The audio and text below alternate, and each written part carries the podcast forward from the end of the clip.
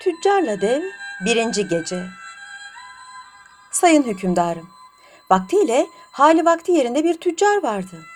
Bir gün başka bir ülkeye gitmek için yola çıkan bu adam yolda hem biraz dinlenmek hem de biraz serinlemek için bir ağacın altında mola verdi. Dağarcığını açıp bir hurma çıkardı. Onu yedikten sonra çekirdeğini havaya attı. Çekirdek yere düşer düşmez iri yarı zebella gibi bir dev meydana çıktı. Elinde yalın bir kılıç vardı. Tüccarın karşısına dikilip kalk dedi. Sen nasıl benim oğlumu öldürdünse ben de seni öldüreceğim. Tüccar bu sözlerden bir şey anlamamıştı. Şaşkın şaşkın sordu. Oğlunu mu öldürmüşüm? Nasıl? Ne zaman? Sen hurmayı yedikten sonra çekirdeğini havaya fırlattın. O sırada oğlum oradan geçiyordu. Çekirdek oğluma çarptı. Zavallıyı apansız öldürdü. Tüccar yalvarmaya başladı. Ben çoluk çocuk sahibiyim. Borçlarım ve alacaklarım var. İzin ver, yurduma dönüp işlerimi düzene koyayım. Ev halkıyla helalleşeyim, sonra gelir sana teslim olurum. Ne istersen yaparsın. Dev tüccarın sözlerine inandı. Hemen istediği müsaadeyi verdi. Bir sene sonra seni burada bulacağım. Hadi git dedi. Tüccar hemen eşeğine binip memleketine döndü. Kendisini karşılayan karısına ve çocuklarına başına gelen felaketi anlattı. Hepsi sanki babaları sahiden ölmüş gibi ağlaşıp bağırışmaya başladılar. Bu halden yüreği parça parça olan tüccar işlerini yoluna koyup yıl sonunda çoluğundan çocuğundan ayrıldı, hemen yola çıktı. Bir yıl önce deve rastladığı ağaçlığa gelince durdu. Eşeğinden inip beklemeye başladı. Çok geçmeden arkasında zincire vurulmuş bir ceylan sürükleyen yaşlı bir adam çıka geldi. Tüccara selam verip yanına oturdu. Buraları tekin değildir. Sen burada ne arıyorsun? diye sordu. Tüccar başından geçenleri anlattı. Yaşlı adam hayrette kalarak başını salladı. Senin derdin benimkinden de büyük. Devle işini halledinceye kadar yanında kalacağım. Adamın gösterdiği bu dostluk tüccarı biraz avuttuysa da korku ve heyecanı hiç yatışmadı. Hatta arada sırada baygınlıklar bile geçiriyordu. Biraz sonra yanında iki tazı bulunan ihtiyar bir adam çıka geldi. Tüccarla öbür ihtiyara selam verip bu ıssız yerde neden durduklarını sordu. Tüccar onu merakta bırakmamak için başından geçenleri anlattı. Onun anlattıklarını ilgiyle dinleyen ihtiyar bu işin sonunu öğrenmek için orada kalmaya karar verdi. Aradan kısa bir zaman geçmemişti ki yularından tuttuğu bir katırı sürükleye sürükleye götüren bir ihtiyar daha sökün etti. Selam verip yanlarına sokuldu. O da böyle korkulu bir yerde ne beklediklerini sordu. Tüccar başından geçenleri ona da anlattı. Daha sözlerini bitirmemişti ki birdenbire havaya bir toz bulutu yükseldi. Arkasından ortalığı kasırga gibi bir ses inletti.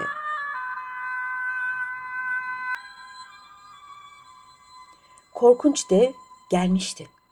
Elinde tuttuğu kılıcı sallayarak yanlarına sokuldu. Kızgınlıktan ateş fışkıran gözlerini tüccara dikti.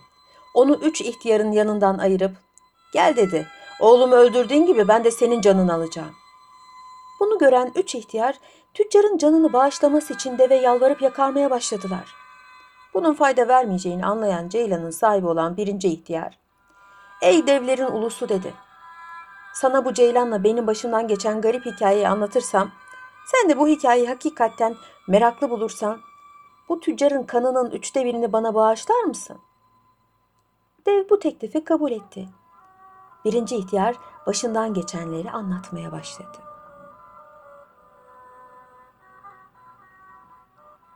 Birinci ihtiyarın hikayesi.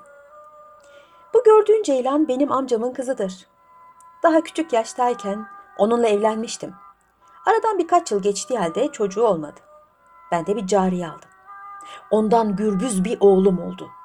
Bu çocuk 15 yaşına gelince ben bir iş için başka bir ülkeye gittim. Benim yokluğumdan faydalanan amcamın kızı öğrendiği büyücülükle oğlumu buzağa, annesini de inek yapmış ve bunları bir çobana teslim etmiş. Ben nihayet uzun yolculuğumdan evime döndüm. Oğlumu ve annesini göremeyince Amcamın kızından ne olduklarını sordum.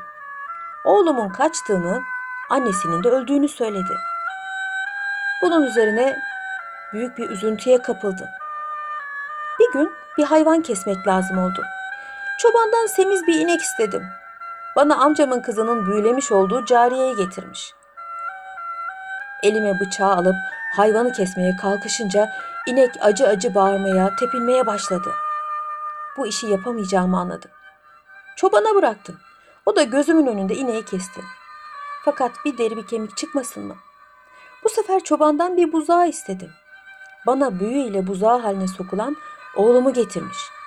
Buzağı beni görünce bir silkinişte ipini kopardı. Yanıma gelip dizlerime sürünmeye, acı acı bağırmaya başladı. Acıdım. Onu da çobana verdim ve bana başka bir inek getirmesini söyledim. Şafak söküyordu. Şehrazat burada hikayesini kesmek zorunda kaldı. Bunu gören kardeşi, ablacığım ne meraklı, ne güzel masal anlatıyorsun deyince Şehrazat gülümseyerek, şayet hükümdarımız yarın akşama kadar beni sağ bırakırsa, yarın akşam bu hikayenin daha meraklı, daha güzel olan alt tarafını anlatırım diye cevap verdi. Hükümdar da kendi kendine hikayenin sonunu dinlemeden şunu öldürtmeyeyim bari diyerek Şehrazat'ı cellatlara teslim etmedi. Öte yandan kızının kefenini tabutunu hazırlamakla uğraşan vezir kızının sağ kaldığını öğrenince çok çok sevindi ama bunun sebebini anlayamadı. Hükümdar o gün akşama kadar devlet işlerini gördükten sonra sarayına döndü.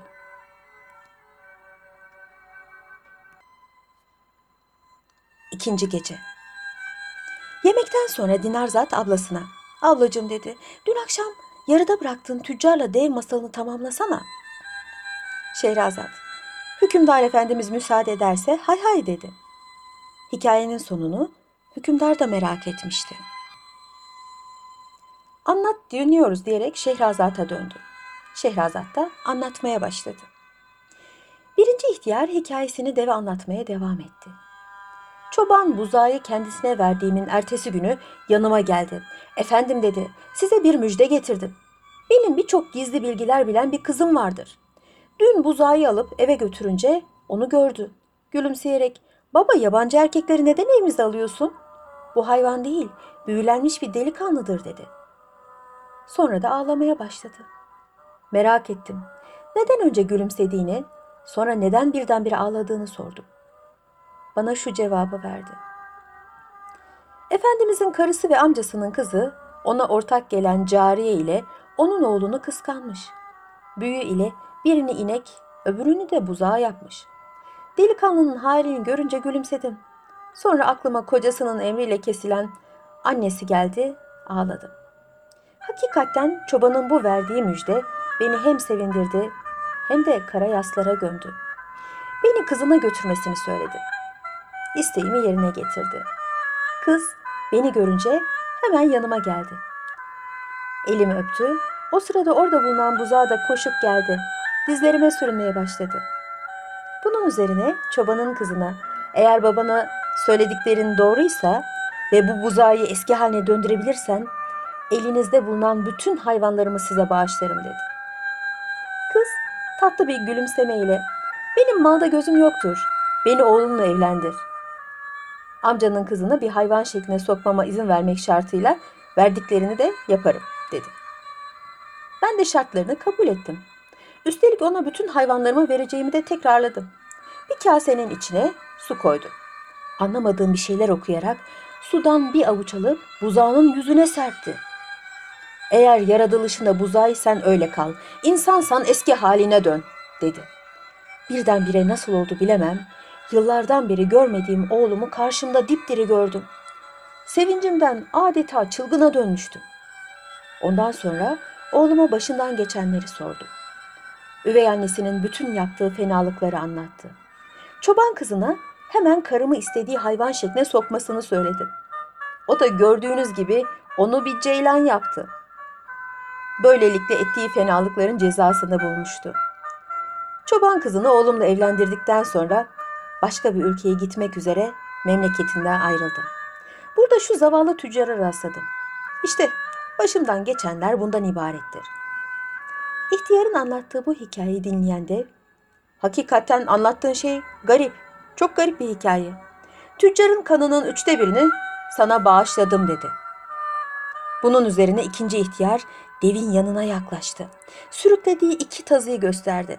Ben de sana bunlarla benim başımdan geçenleri anlatırsam bu zavallı tüccarın kanının üçte birini de bana bağışlar mısın? dedi. Dev, hoşuma giderse bağışlarım diye cevap verince ihtiyar anlatmaya başladı.